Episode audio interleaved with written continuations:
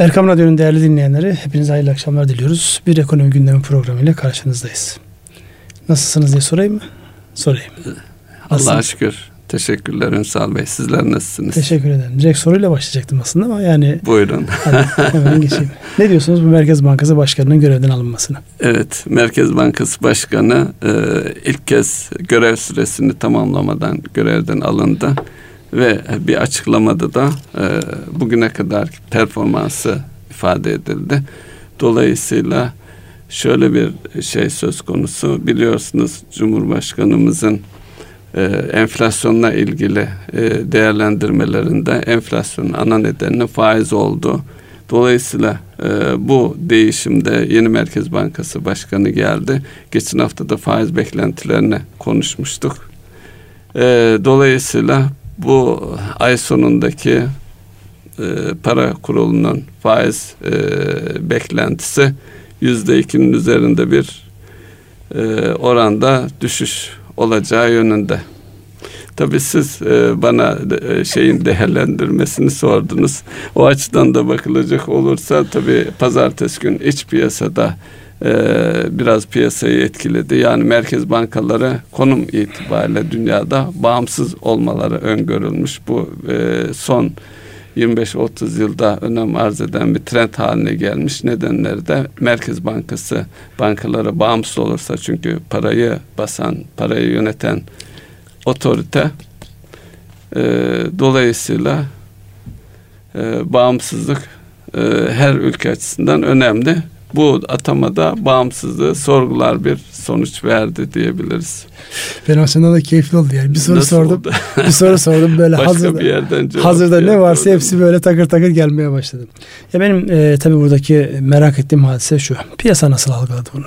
Yani çok böyle alışık olmadık yani dünyada da çok alışık olmadık bir şey. Yani bir de e, piyasaların tam böyle evet artık bundan sonra işimizi gücümüzü konuşalım dediği bir hafta. Bir haftadır Merkez Bankası Başkanı'na konuşuyoruz.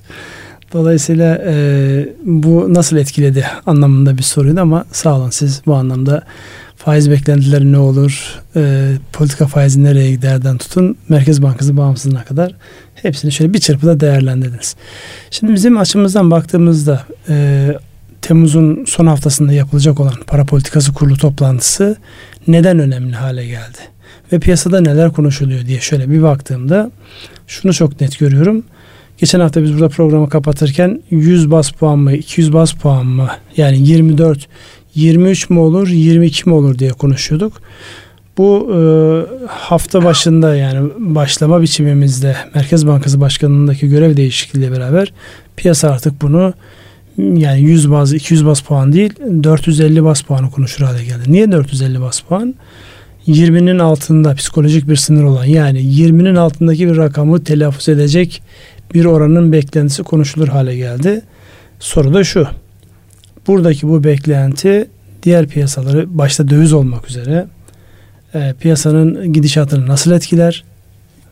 Bu nereye katkı sağlar? Çünkü aynı hafta içerisinde 11. kalkınma e, planı açıklandı. Onunla alakalı 2023 yılı hedefleri var. Onları da konuşup değerlendireceğimiz bir mekanizma. İsterseniz tekrar bir şey yapın. Yani. Piyasalar nasıl etkilendi? E, piyasaları ilk gün e, biraz etkiledi ama iç piyasayı çok etkilemedi diyebiliriz. Çünkü şu anda iç piyasamız e, gelen olumlu haberleri satın alma eğiliminde ee, peki dış piyasa açısından ne dersiniz Ünsal Bey? Soruya soruyla karşılık veriyorum. Hadi bakalım bugün öyle olacak galiba. Şimdi dış piyasa açısından zaten şu an ana belirleyici olan e, herhalde Türkiye'deki de bu faiz indirmeyle alakalı konu. Başta Amerika olmak üzere bütün e, merkez bankalarının ve büyük ekonomilerin ekonomiyi krize sokmamak, durgunluğa sokmamak adına alacağı kararların yansımasını yaşayacak ve o çerçevede belki piyasa buna hiç tepki vermeyecek. Olumsuz anlamda hiç tepki vermeyecek. Yani 20'nin altında bir karar alınırsa sanki şimdiden satın alındığı gibi. Çünkü ilk gün döviz bir yukarı gitti. Sonra piyasa yani bazı şeyleri daha net değerlendirmeye başladı. Yani e, Merkez Bankası'nın görevden alınan başkanının yani piyasada ne kadar karşılığı vardı, nasıldı? Yani talihsiz olan şey şuydu. Gelirken de çok tartışılmıştı. Yani özellikle işte eğitiminden girdiler, tecrübesinden girdiler, bir kıyaslama yapıldı.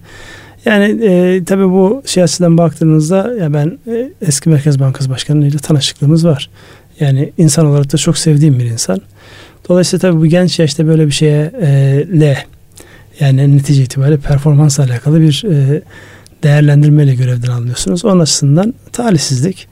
Ülke açısından e, şey nedir? E, müesseselerin devam açısından tabii gönül ister ki herkes yerli yerine kuralları ne yapıyorsa onunla beraber yürüsün. Ama netice itibariyle ekonominin sorumluluğu, siyaseten sorumluluk siyasilerde onların kendilerince değerlendirdikleri zamanlamanın bugün olması gerektiği yöndeki değerlendirmenin yansımasıdır. Piyasa bence bunu satın aldı. Yani şu an 20'nin altında bir oranı, politika faiz oranı anlamında baktığımızda. Yani 400 baz puanın üzerinde. Evet. Yani 400'ü çok rahatlıkla telaffuz edilir de artık o 450 mi olur, 410 mu olur? Onu bilemiyorum. Peki e, yansıması e, kurları etkileyebilir mi? Ya ilk andaki e, şeyden sonra yani o şoktan sonra e şimdi tabii insanlar şuna bakıyor. Ne oldu, ne değişti? Aslında çok fazla bir şey değişmedi.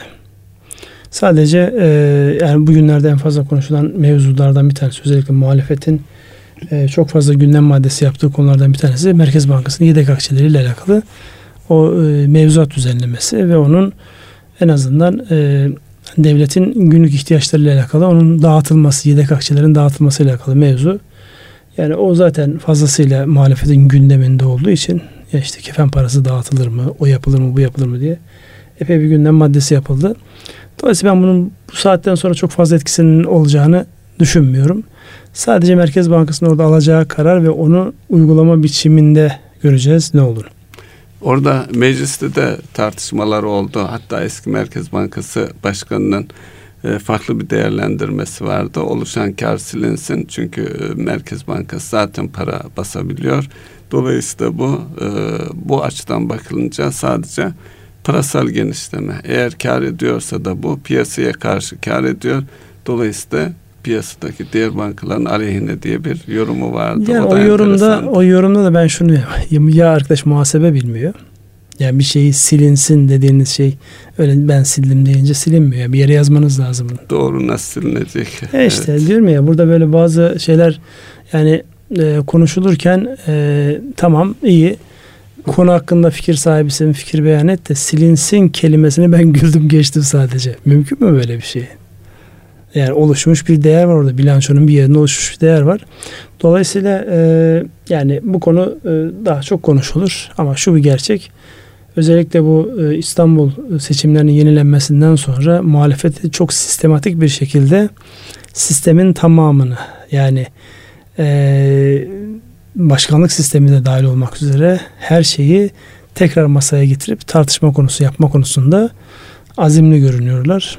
Göreceğiz hepsini yani biz ekonomi açısından değerlendirdiğimizde bu tartışmaların şu an itibariyle Türkiye'ye bir faydası yok, zararı var. Sadece dikkat dağıtıyor. Evet, tam da ekonomiye odaklanmak evet. gerektiği bir dönemdeyiz. Ama işte siz de muhalefette olsanız yani e, rakibinizi e, en sıkışık olduğu yerden en sıkışık olduğu zamandan yakalayıp oradan sallamak istersiniz. Dolayısıyla e, kimse bir erken seçimden bahsetmiyor. Herkes dört yıl önümüzde dolu dolu diyor ama söylenen şeyler çok sistematik ve komple sistemi sorgulayan parlamenter sistem deniyor, başkanlık sisteminin performansı deniyor, deniyor da deniyor. Her şey yan yana konduğunda. Dolayısıyla bunlar dikkat kaymasına sebep oldu. Yani asıl buradaki odaklanılması gereken şey zorlu bir süreç. Dünya birbiriyle her saniye değişen e, satranç oyunu artık satranç oyunun şekli değişti yani e, şeyler olur simülasyonlu bilgisayarlara satranç oyunları oynanır hani bir oyuncu başka bir oyuncuyu alt ettiği zaman böyle savaştaymışın gibi onun işte katledilmesi falan gibi görüntüler var. Artık ticaret savaşları o görüntüye gidiyor. Yani en nazik hareket bile karşı tarafa onlarca yüzlerce milyar dolarlık bedeller ödetebiliyor. Dolayısıyla böyle bir dönemde bizim e, tam anlamıyla e, konuya odaklanmamız gerekirken maalesef gayri ihtiyari biz e, konuya odaklanamıyoruz. Olayı böyle bir e, noktada tutalım bence. Sonrasında devam edelim. Evet sizin e, notlarınız arasında Amerika tarafındaki özellikle Amerikan Merkez Bankası diyebileceğimiz aslında Merkez Bankası başka bir kavram ama e, Fed'in almış olduğu ya da alacağına dair göstermiş olduğu e, bir duruşun dünyayı etkileme hadisesi var. Zaten piyasalarda bir hafiften coşkunun sebebi de o olsa gerek. Nasıl yorumluyorsunuz orayı? Ee, evet bu G20'den sonra e, ticari savaşların bir nebze yönetilebileceğine ilişkin bir e, algı oluştu. Dolayısıyla bu da piyasaları coşturdu. Tabii şu anda e, Amerika ekon, Amerikan ekonomisi e, zirvede ekonomik olarak tarihsel olarak geldiği nokta itibariyle ama Trump'ın bu ticaret savaşları politikası tüm dünya ekonomisi üzerinde de sanki bir resesyona gitme yönünde bir endişe ve risk oluşturuyordu. Böyle bir sıkıntı var. Tabii bu son e, gelinen noktada e, şeylerin e, özellikle e, Amerikan Merkez Bankası'nın da ekonomi iyi olmasına rağmen genişlemeci politikaya devam edecek ki bunda da belirleyici olan daha önceki ticaret savaşlarıydı. Hatta e, bir takım Amerikan şirketlerinin işte Çin'deki e, satışlarının düşmesi borsalarını Amerikan borsasını ciddi etkilemişti. Dolayısıyla dünyayla entegre bir e, durum söz konusu olduğu için e, böyle bir sürece girildi. Tabii bu bizim gibi ülkeler için avantajlı bir durum. Parasal genişleme devam edecek. E, tabii bu parasal genişleme devam ederken e, büyümeyi, dünyadaki ve Amerika'daki büyümeyi destekleyecek mi? O çok e, evet destekleyecek denemiyor. Bir rahatlama var ama varlık barışı e, pardon varlık e, balonu e, riskini artırdığı yönünde yorumlar da yapılıyor dünyadaki bu parasal Şimdi, genişlemenin. Dünyada zaten parasal genişleme olsa da olmasa da yani para gidecek yer arıyor. Yani bir taraftan balondan bahsediliyor. Öbür taraftan da hep her hafta konuşuyoruz burada. Yani eksi getirili trilyon trilyon dolarların varlığından bahsediliyor. Yani geçen hafta 14 trilyon evet, dolar gibi bir rakam, rakam telaffuz edildi. Yani bu para nerededir, nasıldır? Şimdi bir taraftan getirisi negatif olan 14 trilyon 15 trilyon para 15 trilyon dediniz yani neredeyse Amerikan ekonomisinin büyüklüğü kadar yani Çin ekonomisinden evet, büyük. Bizim ekonomimizin e, bizimkinin e, katı? 20-30 katı. Evet. Şimdi baktığınızda e, yani bu kadar büyük bir para getirisiz bir yerlerde bekliyor. Öbür taraftan da e, değerlerin şişmesinden bir balon etkisinden bahsediliyor. Çok böyle birbiriyle uyumlu ifadeler değil ama bir gerçek var. Dünya tarihinin hiçbir döneminde olmadığı kadar elde kaynağın olduğu, paranın olduğu bir dönem yaşıyor. Bir taraf sefaletten inim inim inlerken öbür taraf parayı nereye koyacağına şaşırmış. Hatta işte Avrupa'da şu an yaşanıyor biliyorsunuz. Götürüp mevduatınızı yatırdığınız zaman değil size bir para ödemesini paranızı saklıyoruz diye bir bedel ödüyorlar. Ödemek zorundasınız. Yani paranızın saklanma, korunma e, bakımı için. Şimdi e, böyle bir ortamda ben yani parasal genişlemenin olumsuz etkileri anlamında bir e, yorum beklemiyorum açıkçası. Buradaki bütün problem Çin ile Amerika'nın yani inanılmaz bir şekilde uzatarak mesela meseleyi ele alma, almaları dikkat çekici. Yani aceleleri yok. O bir adım atıyor, ötekisi bir adım atıyor, sonra gevşetiyorlar, bir daha sıkıyorlar.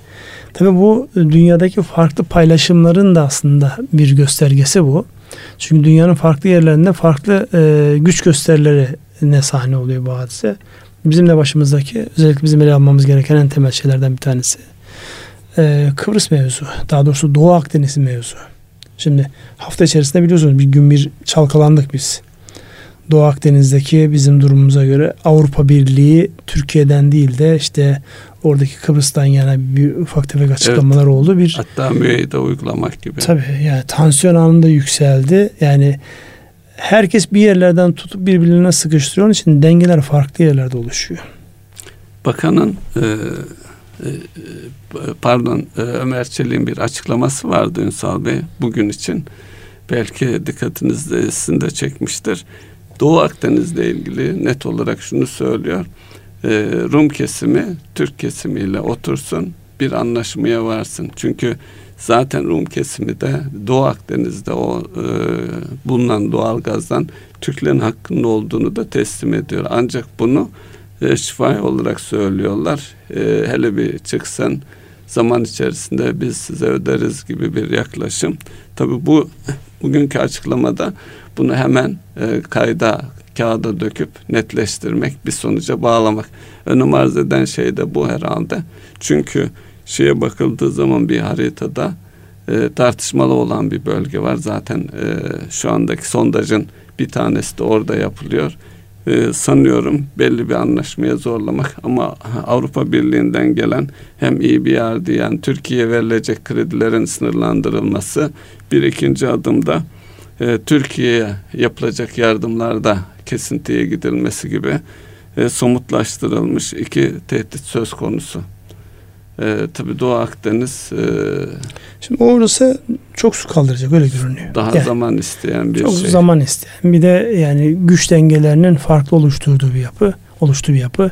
Özellikle orada İsrail Mısır e, dengesi arkasından işte Suudi Arabistan'ın evet. İsrail olan yakınlaşması Türkiye'nin buradaki işini Rusya ile olan pozisyonlarımız Türkiye'nin buradaki işini ve e, küresel şirketlerin de anlaşmaları var. Aslında. Küresel şirketlerin evet. anlaşması. Türkiye'nin işini zorlaştırmakla beraber e şimdi netice itibariyle burası sizin yani ananızın ak sütü helal olan bir yer. Evet.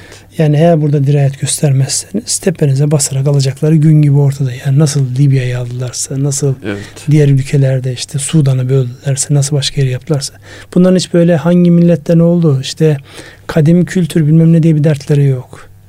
Odaklandığı zaman, hedefine odaklandığı zaman hiç umurunda bile değil. Dünyanın ne kadar yani baktığınızda e, dünyanın en kadim ülkeleri Çin, Persler bilmem. Şu an baktığınızda öyle kadim madim dinlemiyor. Evet. Bir menfaat var.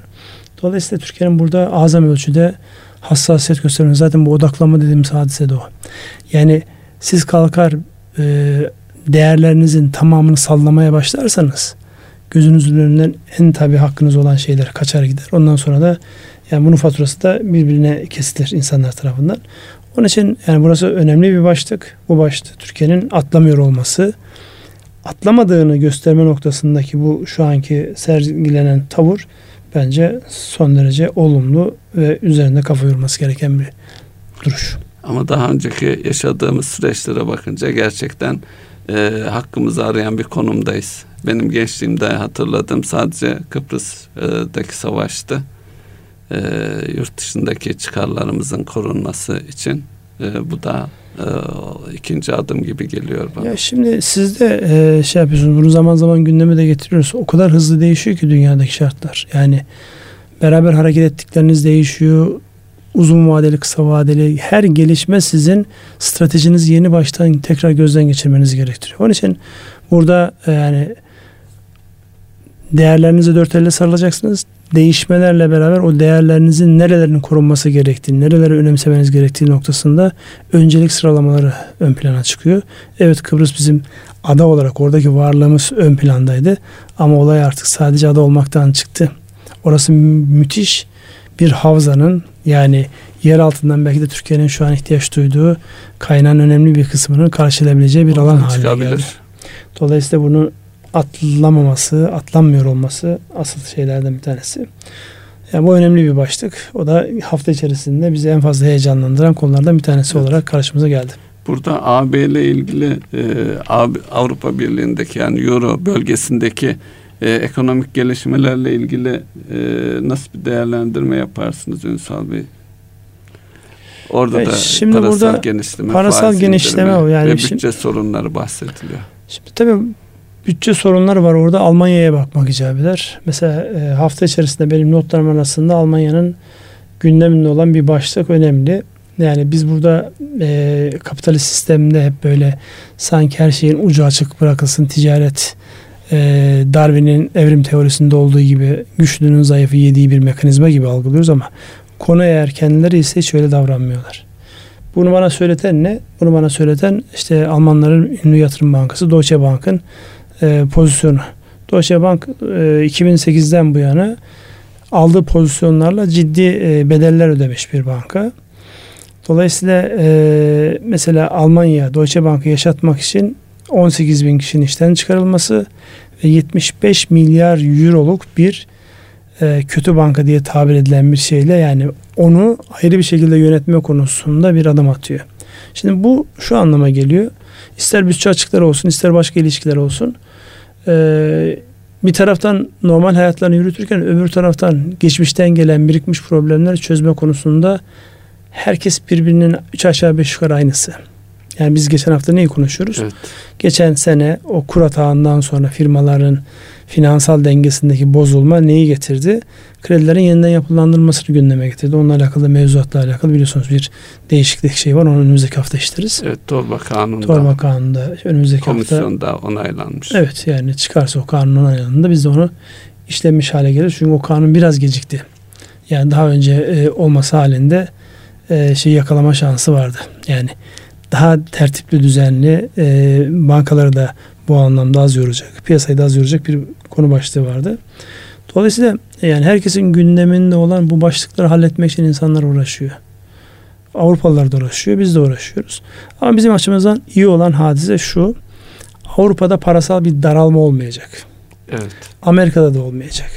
Bunun anlamı çok net bir şekilde biz eğer bu kaynakları kendimiz açısından cazibe alanlar oluşturursak bize gelmemesi için hiçbir gerekçe yok. Problemlerin bir kısmını gelen sıcakla çözeceğiz. Bir kısmını da yapısal olarak çözeceğiz. Sıcak kaynak geldiğinde kaynak geldi rahatladım e, ne derler duygusuna kapılırsak üç gün sonra tekrar aynı şeyle karşı karşıya kalırız. Onun için iyi bir dönem. Yani ben pozitifim bu anlamda. Önümüzdeki dönemde hani e, iyi şeylerin olacağına dair ipuçları bunlar. İnşallah da olur. Peki bu, e, tam da burada e, kalkınma planına geçelim mi Ünsal Evet buyurun 11. kalkınma planı ile alakalı sizin söyleyecekleriniz var. Notlarınızı gördüm. 500 milyarlık ihracat hedefi ne oldu diye e, gördüm orada. Notları. İhracat hedefi 226.6 milyar lira e, dolar. E, milli gelirimiz 1080 e, 1.080 trilyon dolar öngörülmüş. Enflasyonun yüzde beş, işsizliğin e, yüzde onun altında oldu 9.9. E, turizmdeki gelirlerin 65 milyar dolar, e, sanayide yıllık ortalama 5.7'lik bir büyüme ki bu büyümeye ne dersiniz onu özellikle Ünsal Bey e, sizden e, açıklamanızı rica edeceğim. E, gayri safi yurt, yurt içi hasıladaki payının da yüzde 24 olması öngörülüyor. Şimdi oradaki yani bu iki gösterge üretim yani artık Türkiye üretimi tercih eden bir kulvara mı giriyor? Şimdi orada ön, öncelikli olarak ihracatla alakalı hedefin yani şu son yıllarda yaşanan gerçekleşmeleri dikkate alarak daha e, gerçekleştirilebilir bir hale gelmiş olması ve onun da nasıl gerçekleştirileceği ile alakalı ipuçlarının olması güzel. Güzel olan ikinci husus sizin o üzerine e, vurgu yaptığınız e, husus Türkiye'nin üreten bir ülkeye dönüşmesi. Burada bizim bir şekilde yani ister bunu e, yani kamu otoritesi tabii ki piyasadaki insanlardan beslenecek. Odalardan, meslek örgütlerinden, e, iş dünyasına yönelik derneklerden bu anlamda stratejiyi destekleyecek önemli e, görüşlerin çıkıyor olması lazım. Yani burada e, biraz böyle e, yani şey var. Herkes biraz kenarda çekingen davranıyor. Bir şey söylersem yanlış anlaşılır mı korkusunu taşıyor. Bu korkuyu öncelikli olarak bir an önce Türkiye'nin üzerinden atması, herkesin canı gölden yapabilecekleri konusunda bir şeyler söylüyor olması lazım. Yani şu an bizim program için detay olan bir konu ama ihracat kalemlerinde baktığımda mesela inşaat sektörü tarihinde en fazla değişik malın ihraç edildiği inşaat malzemeleri dönemini yaşıyor. İlk defa rakam bu kadar yukarıya çıkıyor ve en fazla bu kadar değişik ürün ortaya çıkıyor. Şimdi bu neyi sağlıyor? İçeride sıkışınca inşaat sektörünün durumu evet. malum. İnşaat sektörüne yönelik malzeme üreten insanlar, firmalar, işletmeler kendilerini dünyada farklı yerlerde karşılık bulmaya zorluyor. Dolayısıyla bu zorlamaları daha bilinçli olarak yani birbirimizin ayağına basmadan yani birisi iyi bir şey yaptığı zaman hemen onun piyasasına gidip talip olmadan onun karlılığını aşağı çekmeden yeni neler yapabiliriz noktasında kafa yormamız lazım. Bugüne kadar ister gıda sektöründe olsun ister işte makarnaydı, undu, çimentoydu neresinden bakarsanız biz bu konuda biraz kendi kendimize e, vuran bir şeyimiz var. Afrika piyasasında yani o hep konuştuğumuz mevzu makarna mevzu. Evet. Yani İtalyanlar 2000 dolara satarken biz 800 dolara satıyorduk. Sonra birbirimizi yiyerek 400 dolara kadar indirdik fiyatları. Bunun gibi şeyler yaşamıyor olmamız lazım. Bu plan bu anlamda önemli. Ee, geçen hafta değindiğiniz bir konu vardı. Üretimin artışı söz konusu olacak ise e, bürokrasinin kolaylaştırıcı e, bir e, değişim geçirmesi ona tekrar vurgu yapmak ister misiniz? Şimdi ona vurgu yapalım Çünkü mı? Orada önemli ipuçları var. Yatırım yapacak. Var. Ama yani şimdi e, şöyle bazı şeyler uzun sürede çünkü zihniyet değişimi. Yani özellikle mesela bu yeni e, başkanlık sistemine geçtikten sonraki süreçte bir böyle zihinler zaten böyle bir şey yaptı. Ne olacak sorusunun cevabına epey bir vakit kaybetti. İşte bundan sonraki şeylerde artık eyleme dökülmesi lazım. Yani insanların ne yaptığı, ne edeceği konularında çok net bir şekilde eyleme döküp oradan yürüyor olması beklenir. E, bürokrasideki e, kolaylaştırmalar özellikle yatırım yapmak isteyenlerle alakalı bir şey vardı. Ben şeyi kaçırdım. O otomobil firması kimi tercih etti? E, yönetim kuruluna girecek e, şey. E, evet, e, henüz e, açıklama düşmedi ama büyük bir ihtimalle ben umudum Volkswagen Ünsal Bey. Reklam yapmıyoruz biliyorsun. ama artık dünyada küresel bilinen bir, bir şey bilinen reklamın da ötesinde. Hatta o firmayla e, küresel bir haber daha vardı. Ford'la işbirliğine gidiyorlar. Amerika'da görüşmeler devam ediyormuş. O da tüm dünyadaki otomotiv sektörünü etkileyecek bir gelişme. Önce bedel ödettiler diyorsun emisyondan. Şimdi de şey mi yapacaktır? Ee, ama e, bizim açımızdan kendimiz açısından düşünelim. Ee, inşallah Türkiye'ye e, gelir yatırım. Çünkü e, Türkiye'de de otomotiv otomobil satacaklar. Yine bu söz konusu olduğu için Otomobil Distribütörler Derneği'nin açıklamaları var. Daha geçen haftada konuşmuştuk.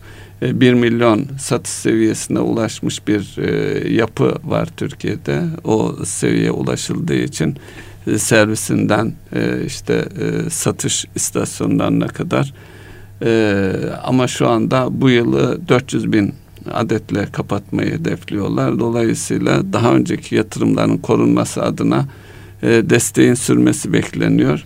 Tabii ÖTV ve KDV'nin de uzatılmayacağı ifade edildiği için e, o sektörü e, biraz e, mutsuz etti bu son gelişme.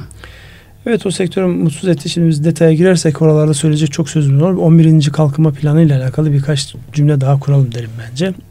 Özellikle 2023 ile alakalı hedefler noktasında yani Türkiye'nin şu an 800 milyar doların biraz altına düşmüş olan gayri safi yurt içi hasılanın 2023'e geldiğimizde 1.80 milyar gibi yani 1 trilyon 80 milyar gibi bir rakama ulaşması hedefleniyor ve yıllık e, büyüme rakam olarak da yaklaşık 4.3 gibi bir ortalama rakamdan bahsediliyor. E zaten Türkiye açısından baktığınızda 3'ün altındaki bir büyümenin e, genç nüfusu dikkate aldığımızda ve diğer ihtiyaçları dikkate aldığımızda gerçek anlamda katkı sağlayan bir büyüme olmayacağına dair bir inanç var. Doğrudur yanlıştır ona e, girmek istemiyorum ama 4 ve üzerindeki büyüme hedefi Türkiye'nin e, hedeflediği özellikle iddialı ülke olma işte e, 20 gelişmiş büyük ekonomi içerisinde yer alma noktasında ki iddialar ve diğer iddialar açısından gerekli. Burası önemli bir başlık. Orada az önce siz vurguyu yaptınız yani ihracattaki artışın işte 160 milyar dolarlardan 226 milyar dolarlara gelmiş olması. Baktığınızda daha önceki 500 milyar doların yanında biraz böyle mütevazi gibi duruyor. Ama daha gerçekleştirilebilir, daha ayağa yere basan. Bunun içerisinde alt kırılma baktığımızda özellikle savunma sanayinin çok net bir şekilde bir e, duruş görüyoruz. 2 milyar dolarlık ihracatın 10 milyar doların üzerine çıkarılma hedefi olur mu? Türkiye şu anki odaklanmasından dolayı çok rahatlıkla olabilir gözüküyor. Onun yanında işte ulaşımla alakalı e, karayolları ve demiryolları ulaşımıyla Demir alakalı ulaşımında da ciddi artış. Orada ciddi artışlar neredeyse. hedefleniyor. Bunlar hep üretime, üretimi destekleyecek, sizi bir lojistik üstü yapacak bir noktada. Zaten bir şeyi üretiyorsanız ikinci soru bunu tüketene nasıl ulaştıracağım? İşte kanal mevzu. Nasıl ulaşacak bu? O kanallarınız açıksa bununla alakalı altyapıyı da e, sağlıyor iseniz şayet yani yürümenizi engelleyecek birçok engeli de ortadan kaldırmış olursunuz. Onun için bu 11. kalkınma planını daha önceki yapılan şeylerle değerlendirdiğimizde gerçekleştirilebilir olması sebebiyle ben e, yani pozitif değerlendirdiğimi söyleyeyim. Dolayısıyla burada yani biz büyük rakamlarla konuşmayı seviyoruz da Şimdi gerçekleşme ihtimali olmayınca o hatırlayın işte bütün yöneticilikte de öyledir. personele gerçekleştiremeyeceği hedefi verdiğiniz zaman normal yapacağını da yapamıyor artık. Evet. Oradaki bütün ümidini de yitiriyor. Çünkü olaya negatif başmaya, bakmaya başlıyor. Şu an gerçekleştirebileceğimiz hedefler ve bu reel sektörün e, bütün taraflarında evet ya bu yapılabilir dediği bir nokta e, görünüyor. Bir de enerji sektörüyle alakalı mesela bir ciddi bir büyüme öngörülüyor. Enerjinin içeride üretilen komponentlerle beraber yatırımın arttırılması yani 88 bin megawatt olan e, enerji yatırımının 110 bin megawata çıkarılması ve burada teşvik sisteminizden dolayı içeride üretilen malzemeleri daha yüksek fiyattan alabileceğiniz elektrik üretimi e, noktasında önemli bir başlık. Yani çok başlık var ya. Evet. Çok başlık var. İnşallah bunların hepsi bir şekilde hayata geçecektir diye ümit ediyorum ben. Devam edelim. Evet. E, dövizle alakalı e, konuşacağımız ilave bir şey yok. Siz az önce ilk, en başta bir petrolle alakalı bir e, başlık açtınız. Orayla alakalı söylemek istediğiniz bir şey var mı? Petrol e, bu hafta içerisinde e, bir haber vardı. İran'ın bir e, petrol tankerine e, devrim muhafızları e, ordusunu müdahale etti. Bu ciddi bir heyecan oluşturdu. İran tarafı biz böyle bir şey yapmadık dedi e, suçlamalar var. Tabi bunlar da e, arka planda fiyatı artırmaya yönelik tezgah mı diye de akla gelmiyor değil.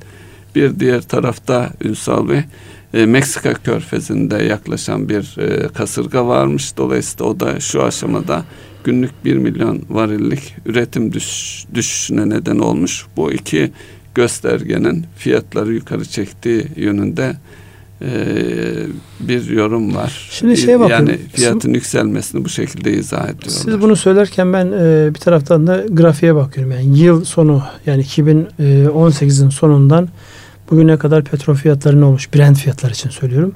%23 civarında bir artış olmuş. Yani geçen seneye göre zaten %23 yukarıda şu an. Aylık bazda baktığımızda ne var? %8'in üzerinde bir artış var. Yani petrol fiyatları zaten yani 60, 66 dolar diyoruz işte o diyoruz bu diyoruz ama geçen seneye karşılaştırdığımızda zaten petrol fiyatlarında bir yukarı doğru gidiş var. Ee, Amerika'nın üretimine rağmen her şeye rağmen işte OPEC'teki o sınırlamalara rağmen görüyorum ki e, petrol fiyatlarının çok aşağı gelmesi arzulanan bir şey değil. Yani bir bahane bularak onu bir, bir şekilde yukarıda tutuyorlar. Bu devam eder gibi gözüküyor. Çok yukarı gider mi? Şöyle grafik olarak yani teknik analiz yapmayacağım ama grafik olarak baktığımda sanki buralar böyle herkesin razı olduğu fiyat gibi geliyor yani. E, alan memnun, satan memnun. Satanlar e, 50'li fiyatları görünce burası iyi bir rakam diyor. Alanlar açısından da işte 80'li rakamları görünce burası iyi diyor. Yani herkesin iyi dediği. Herkesin mutlu oldu. Herkesin bizi de çok mutlu rahatsız oldu. etmiyor sanıyorum bu seviyeler. Yok bizi de rahatsız etmiyor. Biz de bu, bu fiyatları yani bütçelememizde öngördüğümüz fiyatlar kurları bertaraf edersek yani petrol fiyatları bu civarda diye e, düşünüyorum.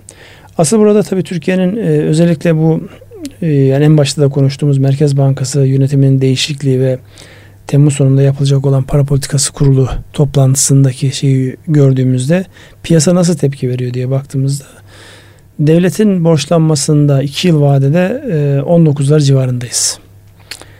10 e, yıla baktığımızda 17'ler civarındayız. Dolayısıyla bunu ikisini birlikte değerlendirdiğimizde yani politika faizinin 20'nin altına gelmesi en azından piyasanın devleti fonlama açısından baktığımızda sanki ona biraz zemin yani hazırlanmış piyasa gibi. Piyasa bunu satın aldı diyebiliriz?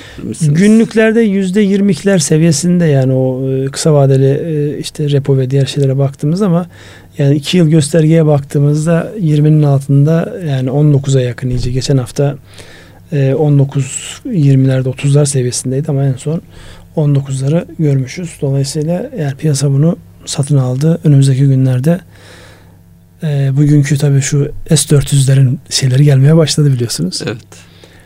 En azından onunla alakalı piyasa bir tepki vermiyor şu an. O satın ee, alınmış çünkü. Herkes de merak ediyordur. Bir, bir kere kullanırsa izlesek falan gibi. Allah muhafaza. Evet. Allah kullanmayı. Ee, şey açısından, e, risk açısından değil, değil de hani bu demo, e, demo şey, şey olur ya tatbikatlar falan. Evet. Çünkü sürekli e, e, televizyonlarda dönen bir görüntü var. Artık herkes o görüntüyü ezberledi neredeyse. Evet, sanayi üretimi e, açıklandı Ünsal Bey. Sanayi üretimi e, beklentilerin e, ötesinde pozitif geldi. Şöyle ki e, geçen yılın ayını ayına göre yüzde bir virgül üç e, daraldı. E, bu ay itibariyle de yüzde bir virgül üç e, arttı. E, beklenti bu ayda azalacağı yönündeydi.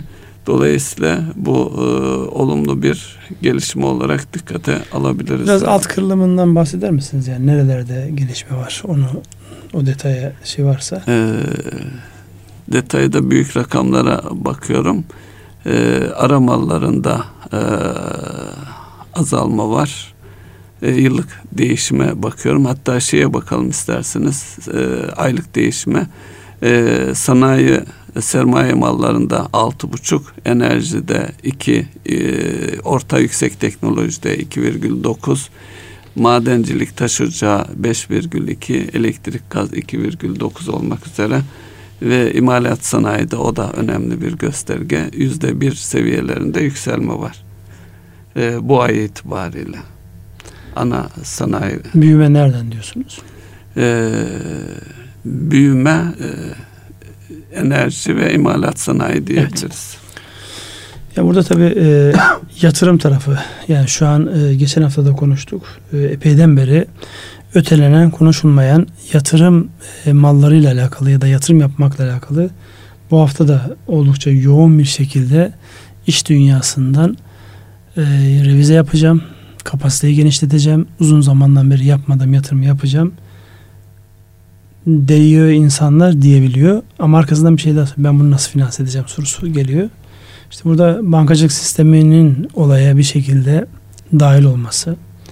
E, maalesef e, şu an e, kredi kuruluşlarının daha doğrusu kredi derecelendirme kuruluşlarının bize vermiş oldukları notlardan dolayı daha önceden açık olan e, ülke kredisi diyebileceğimiz yani ihracat yapan ülkelerin bize yönelik e, kredi sigorta sistemi ya da e, ihracat kredileriyle alakalı kapılar çok rahat değil. Firma bazında birebir borçlananlar, bankalar bile devreye sokmadan borçlananlar var ama genel anlamda baktığımızda o dönemde hem alacakların sigortalanması hem de doğrudan yatırım mallarının finansmanında bir teminat yapısı oluşturması noktasındaki destek şu an henüz açılmış değil.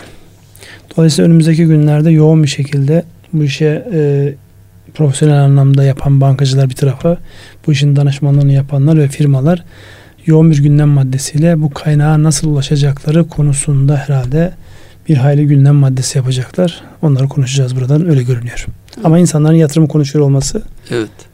Belki yabancı ortaklı firmalar ve doğrudan yabancı e, firmaların yatırım yapması daha e, önce başlayacaktır herhalde bu bağlamda. Şimdi burada e, yabancı sermayenin daha doğrusu yabancı değil yurt dışından sermayenin gelmesi noktasındaki duruş açısından baktığımızda nereye geliyor? Yani özellikle bu e, yatırım bankalarının hazırlamış olduğu bültenlerde ancak bunu e, izleme şansı oluyor. Çünkü bunun genel takip edildiği çok fazla bir yer yok. Ya e, ekonomi haberleri yayıncılığı yapan televizyonların, radyoların e, haberlerine bakıyorsunuz ya da o bültenlere bakıyorsunuz. Şimdi öncelikli olarak daha önceden e, Ruslarda bulunan Denizbank'ın e, Körfez bölgesine devriyle alakalı o onaylandı. Dolayısıyla bir e, BDDK tarafından onaylandığı için bir süreç tamamlamış oldu. Yani Türkiye'de artık Rusların bir bankası yok. Körfez bölgesinde çok sayıda e, bankaya iştirakları vardı. Bir tanesi daha oldu. O da Denizbank. O hanede şey yaptı. Bu önemli bir başlık. Yani Türkiye hala birilerinin bu anlamda kendilerini iyi hissettiklerinde yatırım yapabilecekleri bir ülke olarak duruyor. Diğer e, gayrimenkule yönelik özellikle ticari gayrimenkullere yönelik Körfez bölgesinden ilginin devam ettiğini gösterir. İşte otel satışları, AVM satışları bunlarla alakalı ipuçları var. E, bunlar da yine iyi şeyler yani her ne kadar biraz böyle küskünsek de birileri birilerinin e, arkasından çok coşkulu gelmese dahi ama şunu görüyoruz ticareten kendilerine makul gördüklerinde gelip satın alıyorlar. Türk lirası varlıklar da şu an herhalde dünyanın e, en cazip varlıklar arasında. Geçenlerde bir e, yorum okumuştum. Arjantin geçen sene biliyorsunuz en kötü performansı gösteren ülkeydi. Bu sene de en iyi performansı gösteren ülkelerin başında ön sırada gidiyor. Mantık böyledir. Orada bir cazibe oluşmuştur. O cazibeyi kullanacaktır insanlar. Evet. E, peki e, bir de bugün cari e, fazlayla ilgili bilgi var. E, cari fazla verileceği önceden tahmin ediliyordu. E, ay itibariyle 151 milyon dolar bir cari fazlamız var. E, yıl e, yıllık itibariyle baktığımızda e, cari açığımız geçen yıl e, 57-58 milyar dolar seviyesinde iken 2.4 e, milyar dolar seviyesine e, gerilemiş durumda. Bu bizim için oldukça e, önemli. Ya bu cari fazla cari açık daha doğrusu cari denge noktasında baktığımızda şimdi bu fazlasıyla köpürtülen iki başlıktan bir tanesi Türkiye açısından. Daha önce hep böyle e, cari açığın gayri safi yurt içi hasılaya oranı ve Türkiye'de bütün o yazılan değerlendirme notlarında onu görürdünüz. İşte yüzde sekizi yani bu oran yüzde sekize vurduğu zaman Türkiye artık bu anlamda sıkıntılı bir ülkedir bilmem ne. Sekize dokuza vurduk mu hafiften değdik geri döndük oralardan. Şimdi onlar e, aşağı gelmek e, o nasıl büyük tehlike değilse bu da yani tek başına anlamlı olan bir hadise değil. Öbür taraftan eleştiri konulardan bir tanesi bütçe açığıydı. Bütçe açığıyla alakalı işte e, bu anlamda hükümet bütçe açığını farklı yöntemlerle kapatmaya çalışıyor. İşte bu vergi paketleri bu anlamda önem arz ediyor. Önümüzdeki günlerde bütçenin denkliğini sağlamak için farklı tedbirler de alınacaktır.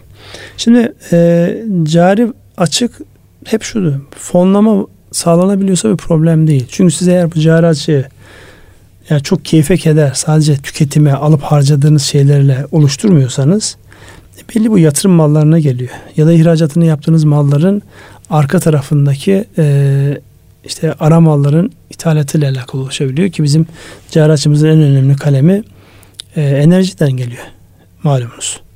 Şimdi e, baktığımızda e, yine bu e, 11 yıllık kalkma planında benim dikkatimi çeken başlıklardan bir tanesi şu idi. E, enerji ile alakalı doğalgazdan elektrik üretiminde yüzde 27, yüzde 28'lerden yüzde 20'ye çekilen bir hedefleme var orada.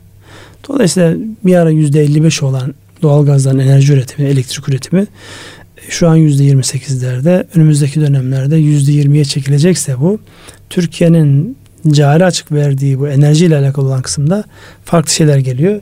Bir taraftan da tabi elektrikli otomobillerin devreye girmesi, elektriğin farklı şekilde işte 110 e, bin megawattlık bir e, kurulu güce dönmeniz bunlar önemli e, başlıklar. Dolayısıyla cari açık konusunu tek başına yani aşağı düştüğü zaman aa süperiz diyemiyorsunuz. Çünkü bu sefer de yatırım malları gelmiyor. Evet, büyüme azalıyor. Yıl sonu hedefi ne orada? Yıl sonu gerçekleşecek rakam 7 milyar doların biraz üzerinde bir cari açığımız oluşacak. Kötü müdür? Valla Türkiye ölçeğini düşündüğünde hiç kötü değildir. Bizim bir an önce o yatırım mallarına üreten ve satan, üreten ve katma değer ekleyen bir ülke konumuna gelmemiz asıl olandır diye kendimce ekliyorum. Evet.